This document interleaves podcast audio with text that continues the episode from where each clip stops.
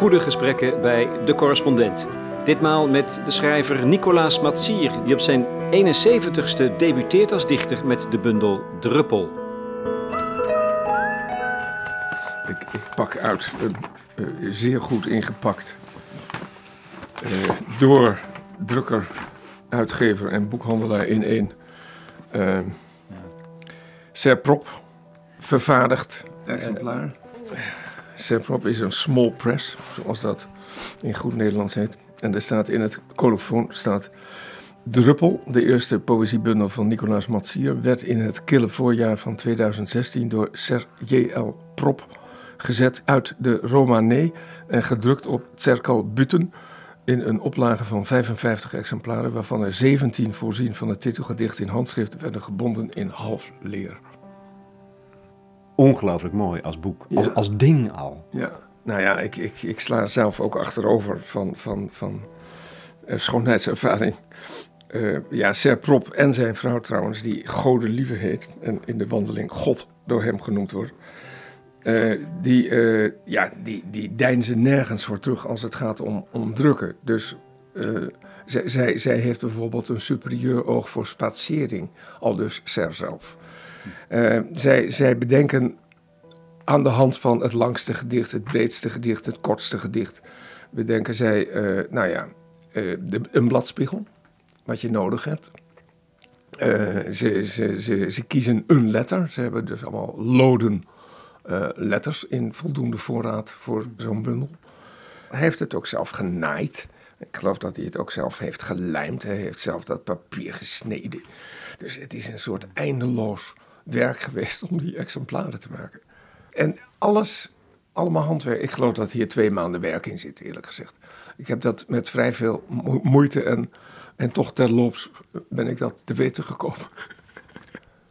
Waarom 55 exemplaren? Ja, ik weet het niet.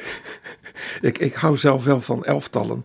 En dit, dit zijn er natuurlijk vijf. Maar ik weet het niet. Ik heb geen idee. En uh, dat is dan ook nog een beetje, beetje, beetje frictie. Ik had op een gegeven moment, omdat ik dacht van... Ja, goh, misschien raakt hij er wel uh, niet af, die uh, exemplaren. Heb ik op een gegeven moment een, een mail rondgestuurd onder... Nou ja, vrienden en kennissen, zeg maar even. En dat was niet echt een bedelbrief. Het was gewoon een heel fatsoenlijke mail vond ik zelf. Goed over nagedacht. Want bedelbrieven, dat moet je niet doen. Maar ik vond het ook wel leuk om te laten weten dat dit er was. Ja. En uh, dus ik bedoel, anders dan is het zo'n soort raar geheim. Zo'n zo'n uitgave. Ja. Dus wel een publicatie, maar een geheim. Niemand weet het. nou ja, goed. En dat heeft toen geresulteerd toch weer in een aantal bestellingen dat hem een beetje onthutste.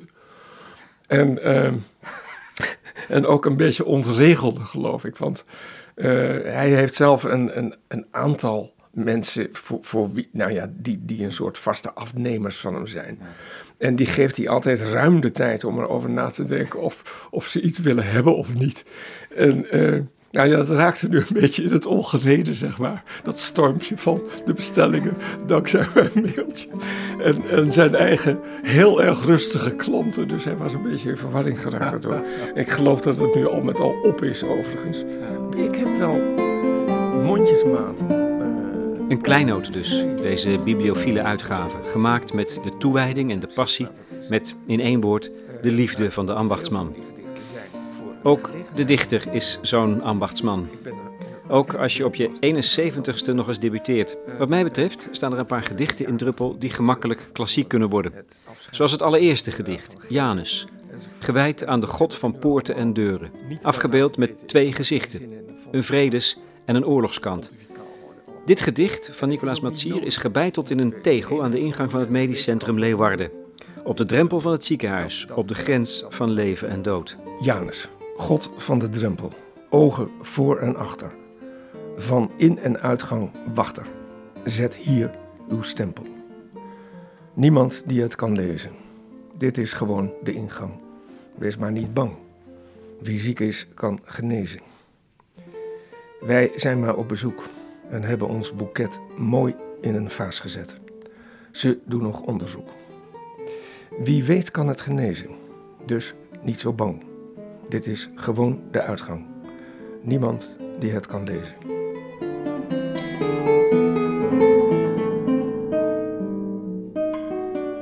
Ik, ik heb in feite dus een drempelgedicht geschreven. Dat werd ook vroeger wel, wel eens eh, gebruikt als een soort term voor ik meen, ik weet het niet helemaal zeker, gewoon echt een eerste gedicht in, in een bundel.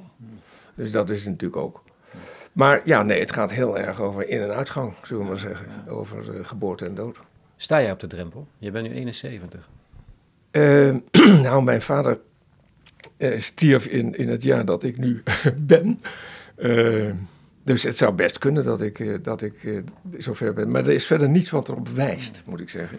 En ja, god, de leeftijd stijgt maar, hè. Gemiddelde leeftijd van mannen. Ik ben vrij lang geleden opgehouden met erg veel te roken. Ehm, dat helpt ook. Ehm, ik weet het niet. Ik hoop natuurlijk dat ik nog tien jaar heb. Maar ja, mijn vrouw bijvoorbeeld die heeft een, een, alweer een, een, aantal jaren geleden uh, heeft hij een, een uh, bloedkanker gekregen. Dat was enorm schrikken. Zeg maar, ik bedoel, was nog niet heel erg oud, vonden wij zelf. Um, en nou ja. Dan ga je dat ziekenhuis in en uit. Ja. Dus uh, ja, al die, die, die, die dingen van je wordt natuurlijk bijna doodgemaakt, zeg maar, met, met de beste bedoelingen ter wereld. Uh, om daarna, uh, ja, hopelijk via een transplantatie het, het te kunnen gaan redden. En dat is ook gebeurd, een beetje kort samengevat. En nou ja, je, ik, ik noem dat zelf een bloedbeginsel, dus stamcellen. elk orgaan heeft, heeft, heeft stamcellen. Dus dat is een soort ja, positieve nulfase, zou ik maar zeggen, van, uh, van het goede bloed. Van iemand uit een leger van miljoenen. Ik bedoel, die bloedbanken die zijn onvoorstelbaar groot.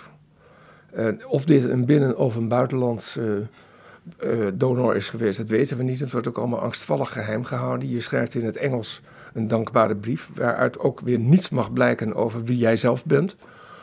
Daar komt ook geen naam in voor of geen adres of uh, wat dan ook. Dus je wordt wel acht om hem te schrijven? Nou, dat, dat is wel zo hoffelijk. Ik, ik, ik, geloof wel dat ze dat lichtjes aanmoedigden. In elk geval hebben wij dat uh, normaal gevonden om te doen. En, uh, maar goed, dat, ja, het, wonderbaarlijke daarvan is dat, ik bedoel, dan, dan heb je dat, dat is op zichzelf voor de donor een for, forse, forse bezigheid hoor, dat om die, die bloedcellen die uh, stamcellen te winnen, zoals dat, of te oogsten. Um, maar voor de, voor de ontvanger, voor dus degene die een bloedkanker heeft, is het tot op zekere hoogte een fluitje van een cent. Het moment zelf. Dus het wordt gewoon ingebracht. Het ziet eruit als limonade. Um, maar daarna, want daarna kun je dus een oorlog krijgen, zou ik maar zeggen, tussen alle organen ongeveer. Dus dat, dat bloed denkt, tussen aanhalingstekens uiteraard, uh, dit orgaan ken ik niet. En dat orgaan ken ik ook niet. Dus dat zet de aanval in. Dus er, er moet een tijd lang een soort evenwichtstrijd uh, uh, ge, gestreden worden. Nou ja, ik, ik, zeg het niet, je snapt het. Uh, en, nou, en dat is nogal heftig ook. Dus je kunt het verschrikkelijk aan je huid krijgen, bijvoorbeeld uh, bietkleurig uitkomen te zien, om eens wat uh, te noemen. En dat duurt dan, nou ja, soms alweer dagen of weken. En, maar met behulp van allerlei medicatie enzovoort weten ze dat, hmm. dat evenwicht dan weer te herstellen. Dus op, een soort opnieuw beginnen. Hè? Ja, maar, dat is, maar je zou partieel opnieuw geboren, als het ware. Ja, terwijl het gaat over bijna sterven. Dus dat is ja. de, de, die dubbelzinnigheid van Janus, als, als oorlog- en vredesgod, maar in en uit Jullie zaten dus samen op de drempel. Niet, van het, niet van het nee, ziekenhuis, maar van het leven. En dan is de vraag, hoe, hoe, hoe is dat? Hoe wat gebeurt er dan met jou? Nou ja, god, dat is, uh, ja, maar er zijn geen mensen die dit niet vroeg of laat aan de weet komen natuurlijk, want iedereen heeft zijn dierbaren. Maar, uh, nou ja, dat is natuurlijk heel erg schokkend, want je hebt toch eigenlijk altijd het idee dat dat uh, de toekomst, ook al word je, word je ouder en ouder, uh, dat dat iets is achter een soort beveiligd glas. De, de, dood, wel te verstaan. dus ik bedoel, alsof je je toch in een soort van doodvrije ruimte beweegt, zou ik maar zeggen. En dat doet iedereen. Ik bedoel, er is niemand die dat niet doet. En uh, dan mag je nog zo ervan overtuigd zijn dat je ervan doordrongen bent dat uh, mensen sterfelijk zijn en, enzovoort. En ik meen dat zelf wel te zijn, al heel lang. Maar het is niettemin uh, toch een, een, een dreun. En nou ja, vanaf dat moment ja, probeer je je in te stellen op ja, op twee mogelijkheden naast elkaar. Maar richt je je natuurlijk vooral praktisch op eh, alles wat maar hoop is en dienstbaarheid en, en, en hulp. En, maar het gaat me dan om wat je hier in dit gedicht probeert te formuleren. Er zit een soort bezwering in van de angst. Nou ja, eigenlijk zegt het gedicht alleen maar dat, nou ja, dat je het gewoon niet weet. En dat je het ook niet kunt weten. Kijk, als, als ik aan, aan iets een bloedhekel heb, dan is het wel aan uh, de, de tussen de oren factie. Dus uh, dat, is echt, uh, dat is pas echt verschrikkelijk. Dat je mensen aanrekent, zou ik maar zeggen, wat ze aan, aan, aan ziektes ten deel valt. Voor een heel klein deel kan je natuurlijk een beetje gezonder leven en wat iets meer zijn. Dat is allemaal duidelijk. Maar ik bedoel, die hele. Dat hele psychogene idee van ziektes, dat is natuurlijk wat mij betreft, verderfelijk. En ja, dan het resteert alleen maar dat je, dat je blij bent dat je in deze tijd leeft en in dit land. Je schrijft, dit is, wees maar niet bang, dit is gewoon de uitgang van het ziekenhuis, als je daar op de drempel staat, maar ook van het leven. Dat vind ik zo'n prachtige omkering, weet je, dat is het tegelijkertijd. En dat is niet erg, maar dat is toch eigenlijk wat je zegt. Tegelijkertijd. Ja, nou, nee, dat is ook zo. Nou ja, en, dat, en, dat, en, dat, en dat vind een ik. zekere geruststellend. Uh, een poging tot, tot stoïcisme wordt hier gedaan. Ja, Dat, is, dat is waar. Ja. En ben jij stoïcijn? Is dat wat je in de loop der jaren geleerd hebt? Of? Ik geloof wel dat mijn sympathie voor de Stoa al, al, al oud is, eigenlijk. Ja. Ik, dus ik kan eigenlijk niet zo vreselijk veel begrijpen van, van uh, mensen die, uh, die, die een soort van verwoede opstandigheid aan de dag leggen tegen het idee zelf van, van de sterfelijkheid. Ik denk, kijk om je heen. Alles, alles slijt. De dingen slijten, de dieren slijten, de planten slijten, de mensen slijten. Ze zijn een beetje variabel van, van, van verwachtingspatroon, zeg maar. Er zijn bomen van, weet ik veel, duizenden jaren oud. En er zijn eendagsvliegen en alles ertussen. Nou ja, ik bedoel, daar heb je maar mee te leven. En ik heb ook sterk het idee zelf dat het, hele, alle zingevingsvragen, zou ik maar zeggen, dat die helemaal niets te maken hebben. Maar ja, dat is mijn agnosticisme of atheïsme of hoe je het moet noemen. Met enige voor het leven na de dood. Ik bedoel, het is precies het feit dat wij zelf degene zijn die een zin moeten zien te verzinnen of te geven. Eh, wat het leven de moeite waard maakt. Maar dat is dit gedicht natuurlijk ook in feite. Het is toch ook een daad van zingeving? Ja, ik denk het wel, ja. ja. Maar ja, daar, kijk, ik, ik, ik, ik zat nog weer even te denken, wat zijn nou dichters die ik echt grandioos vind, hè? Ja. Nou ja, de, de, het enige gedicht ongeveer dat ik uit mijn hoofd ken, althans soms. Als de gaten er niet in worden geschoten door het geheugen. Ja, het, is, het, is, makkelijk uit het hoofd te leren, want het is klein, namelijk vierregelig. Ja, ik ben heel erg dol op Omar Khayyam, uh, Persische dichter van, ik geloof zo, rond duizend, ik weet het niet echt precies. Uh, en die heeft dus die zogenaamde uh, Rubaiyat geschreven, die, uh, die prachtige kwatrijnen. En dat was geloof ik een spel, want hij was eigenlijk een, nou ik denk een, soort edelman die, die zich ook graag aan de wiskunde wijde en aan de, aan de sterrenkunde en wat iets meer zijn, en aan rekenkunde. Het is een zeer geleerde man. En dan was er geloof ik een soort van gezelschapsspel, waarbij je deze vierregelige versen ten beste gaf. Nou ja, ik lees geen Persisch. Maar er is in de 19e eeuw is er natuurlijk die befaamde Brit uh, geweest, die die, uh, ja, die die dingen heeft dan vertaald. Ook daar is weer veel over te doen geweest. Ja. Over of dat nou vertalingen zijn of niet. Edward Fitzgerald, het is een meesterlijke schrijver in elk geval, als het geen vertaler is. Fitzgerald die heeft dus één vers gezegd, dat vind ik, ja, dat vind ik ongeveer de top van, van die kwatrijnen zelf. Mag ik dat even ja, in, in zijn Engels voorlezen? Dan, uh, dat begint dus gewoon zo. The moving finger writes, and having writ, moves on, nor all your piety nor wit shall lure it back to cancel half a line, nor all your tears wash out a word of it. Nou, ik zal even, even provisorisch zeggen wat er staat. Dus de bewegende vinger schrijft. En nadat hij geschreven heeft, beweegt hij voort. Nog al jouw vroomheid, nog jouw intellect, zullen die vinger uh, verleiden om uh, ook maar een halve regel te schrappen. Hmm. Nog al jouw tranen er een woord van uitwissen. Ja, dat is schitterend, hè? Ik vind het, ik vind het zo'n ongelooflijk mooi gedicht. Dus hier wordt het leven zelf, zou je kunnen zeggen. Niet speciaal jouw leven, maar het leven van allen en iedereen. En misschien ook wel van uh, niet alleen maar mensen. Uh, wordt voorgesteld als een, bewegen, uh, als een bewegende vinger, een schrijvende vinger, dus als een lijn. Dus het leven als een soort lineair gebeuren, maar ook als schrift. En nou ja, en er wordt gewoon geschreven. En daar verander je niks aan. Aan, aan het geschrevene. Dus eh, wat je ook mag, hoe slim je mag zijn of hoe verdrietig je mag zijn, je zult er niet in slagen om daarvan iets ongedaan te maken. Nou, ik vind dat prachtig. Nou, dit vind ik dus ook een soort van stoïcisme.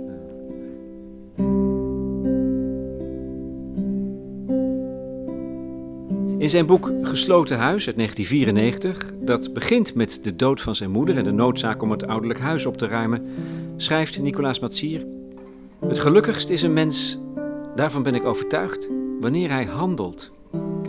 En misschien is dat wel de kern.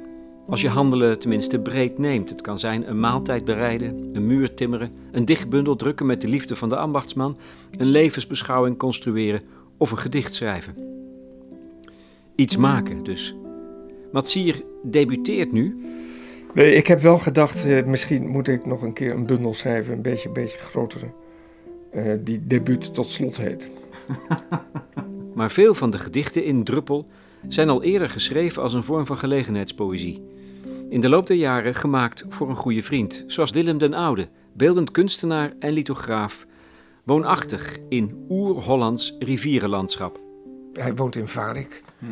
En de Waal. Ja, aan de Waal. En daar staat een, uh, een kerk, toren, uh, met een lief begraafplaatsje er vlak onder. En daar heb ik wel eens een dag bovenop gezeten, op die toren. Dat is heel erg leuk. Dan kijk je dus echt schitterend uit. En het kan zijn dat een van die gedichten daar geschreven is, dat weet ik niet. Het, het, zou leuk zijn als het zo was. Maar ik heb daar in elk geval wel aantekeningen zitten te maken. We lezen het dan maar voor, dat gedicht Waal. Uh, wie denkt dat hij mij ziet, is een beginner verblind door taal, een springer naar conclusies. Wel nee, er is geen waal. Mij zien is aan geen dagjesmens gegeven. Om mij te zien moet men zich vestigen en oefenen in onbeweeglijkheid. Men moet zijn ogen jaren sluiten en alle taal en elke waal vergeten. Alleen wie zo, tabula rasa, wacht, mag in een flits, ets, lito op mij hopen. Een onafzienbaar ogenblik, naamloos en plaatselijk verstrijkend. Ja. Maar het gaat natuurlijk wel over hem ook als man die daar met een groot blok steen daar ergens in een uiterwaard zit.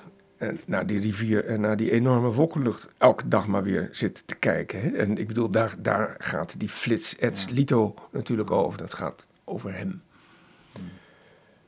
Maar het gaat wel over de paradox van zo'n eindeloos bewegend ding als een rivier is. En die eindeloze, uh, ja, uh, op één plek gelokaliseerdheid van deze kunstenaar. Want die heeft daar gewoon zijn leven gewoond, daar in Varik.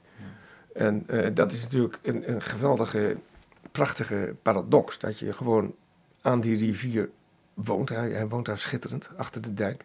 En hij is daarom ook woedend geworden toen, toen die dijken verhoogd moesten worden. Daar is hij toen nationaal bekend om geworden. En er is ook een klein aanslagje op hem gepleegd. Er is op hem geschoten door de buurtbewoners die eh, het niet prettig vonden dat een schilder zich met hun dijken bemoeide. Ehm, maar goed. Ja, maar het gaat toch ook over dat, dat onophoudelijke voortstromen, wat de tijd is, dat ongrijpbaar is. Ja. Dus het leven is uiteindelijk gewoon, hoe heet het, eh, het glipt door je handen, Ja, door je vingers en het is Ja. niet vast te Je houden. kunt het niet vasthouden. Nee, dat zeg jij heel goed. Ja, nou ja. Dus, ja, dat is er ook nog eentje die ik eigenlijk toen een beetje. eh, Ja, de bedoeling was eigenlijk dat, dat ik samen met, met, met lito's van hem. Ook alweer eh waren we op weg naar een, eh, naar een mooi een, eh, small press-achtig uitgaafje. En het toeval wilde dat ik in die tijd ongeveer redacteur van Raster werd. Tijdschrift, eh, literaire tijdschrift Raster, daar ben ik elf jaar van de partij geweest. En toen heb ik, nou ja, heb ik dus met een paar lito's van, van Willem den Oude, heb ik een stuk of wat van die riviergedichten gepubliceerd. Kaustros is een Griekse kleine rivier in eh, West-Klein-Azië, dus eh, Turkije. Dat stroomt van oost naar west. Eh, dat is net zo'n soort rivier als de welbekende Meander. Dus die van die enorme bochten maakt. Kaustros doet dat ook. Ehm, nou, dit ding heet in het Grieks de Küçük Menderes. Dat is kleine meander, betekent dat eigenlijk. En de, de stad die aan de, monding ligt, was Efeze. Nou, Efeze was ook de stad, ik vertel even alles wat je nodig moet hebben om dat gedicht helemaal te snappen. Eh Efeze was ook de plek van de grote filosoof voor Socrates, eh, die genoemd wordt zometeen in het gedicht. Kaustros. Zeker, er zijn beroemder rivieren. Rivieren overgestoken door zegevierende legers. Rivieren die stromen door grote bloeiende steden. Rivieren waarvan iedereen de naam kent. De mijne is vergetelijk. Hoogstens een enkele Turk in de buurt van Seljuk zal hij iets zeggen. Küçük Menderes. Maar er is Grieks gesproken op mijn oevers en in de stad die aan mijn monding lag, totdat het slip van duizend jaar mijn loop verlegd had en ik het einde van de haven van Efeze werd. Niet vergeten is degene die mij zag. Niemand minder dan de grote Herakleitos. Voor hem was ik, de Kaustros, de rivier, de enige. Hij heeft Efeze nooit verlaten. Voor hem was ik van jongs af de rivier waarin hij zwemmen ging en zich liet drijven. Terwijl hij zich liet drogen, keek hij hoe ik stroomde. Hij zag aan mij de metafoor van de beweging, aan mij de metafoor van wat passeert, aan mij de metafoor van wat verandert terugkeert. Van de rivieren werd ik de rivier. Zo werden allen in mij naamloos. Eeuwigheid is een kind dat speelt. Hij was dat zelf, een kind, aan de rivier die ik was.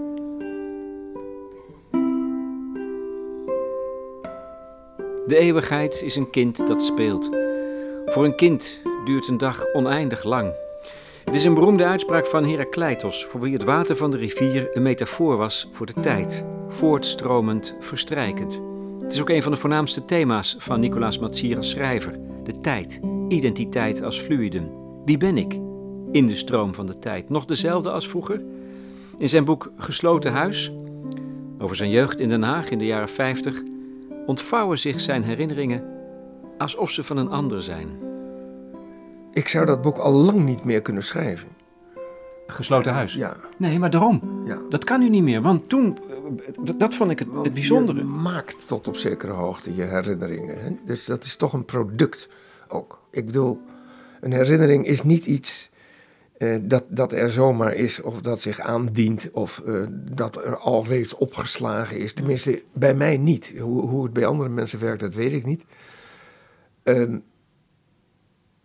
en ik denk dat, dat er een, een mate van fictie altijd zit in, eh, in herinnering. Nou ja, er is natuurlijk heel veel onderzoek gedaan, ook strafrechtelijk naar, naar de waarde van getuigenrapporten, zou ik maar zeggen. Er zijn er allerlei mensen hebben hetzelfde bijgewoond en er is geen gelijkluidend verhaal. En, en, en het kan niet allemaal tegelijk waar zijn, allemaal ooggetuigen. Of dezelfde ooggetuigen op dit moment en vijf jaar later.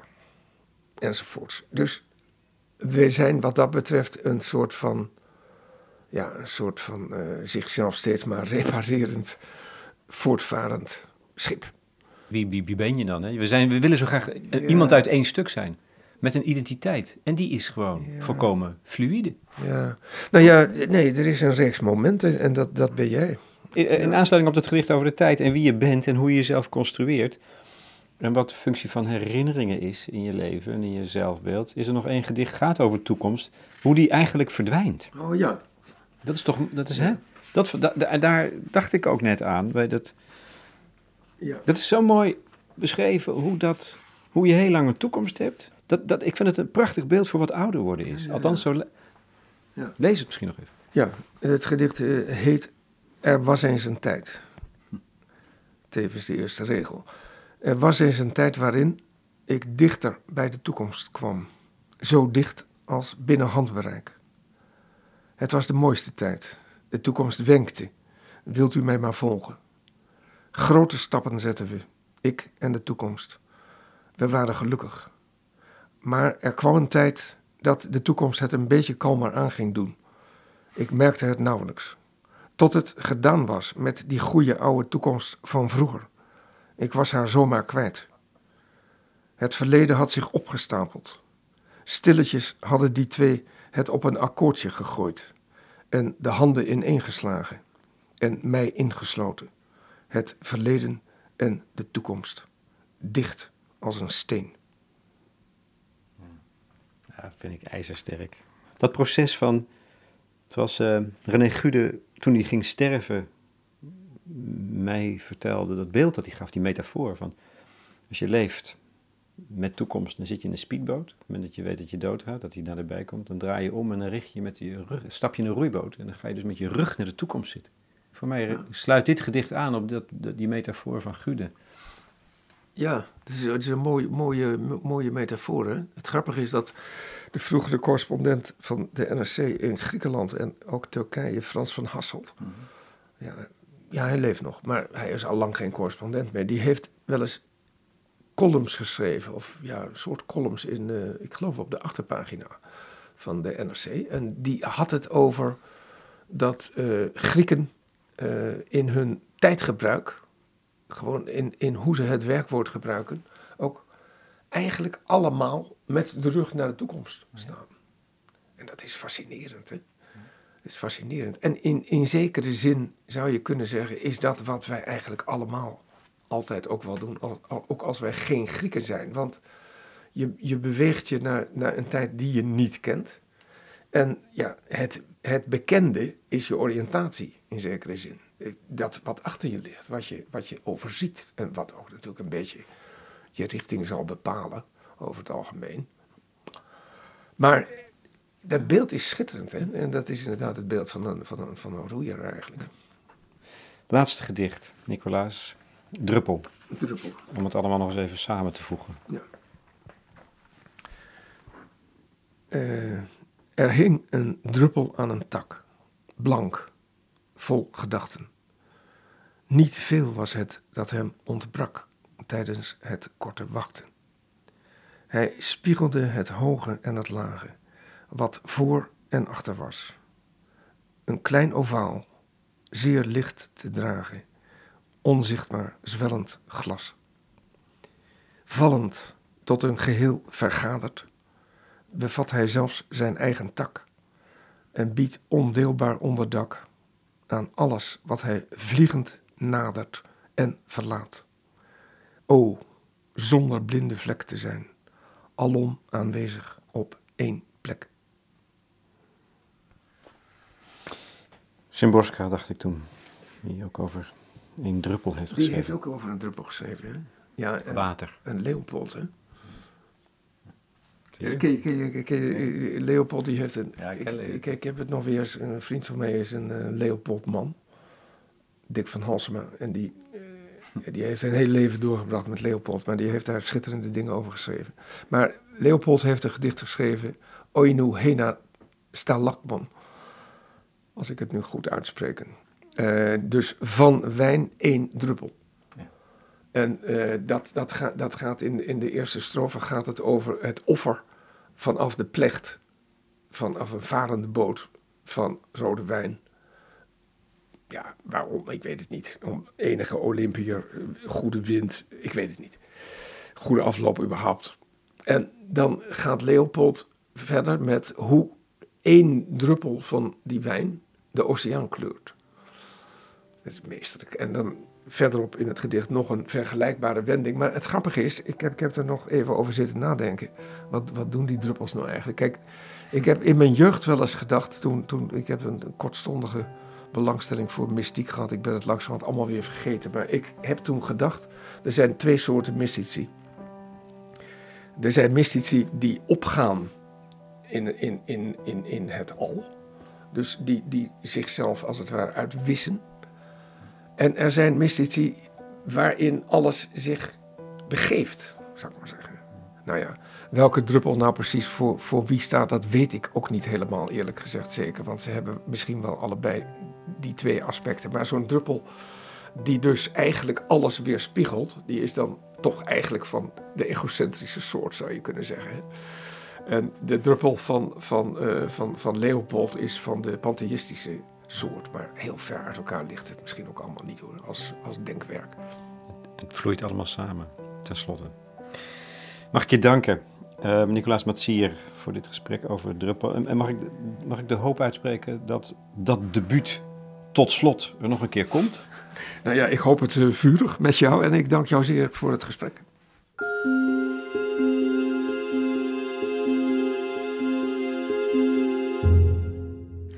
Nicolaas Matsier in gesprek over zijn debuutbundel Druppel, uitgegeven bij Serprop. Uh, 20 gedichten, 55 exemplaren. In gesprek met Lex Bolmeijer voor de correspondent. Janus. God van de drempel, ogen voor en achter. Van in- en uitgang wachter. Zet hier uw stempel. Niemand die het kan lezen. Dit is gewoon de ingang. Wees maar niet bang. Wie ziek is, kan genezen. Wij zijn maar op bezoek en hebben ons boeket mooi in een vaas gezet. Ze doen nog onderzoek. Wie weet kan het genezen, dus niet zo bang. Dit is gewoon de uitgang. Niemand die het kan lezen.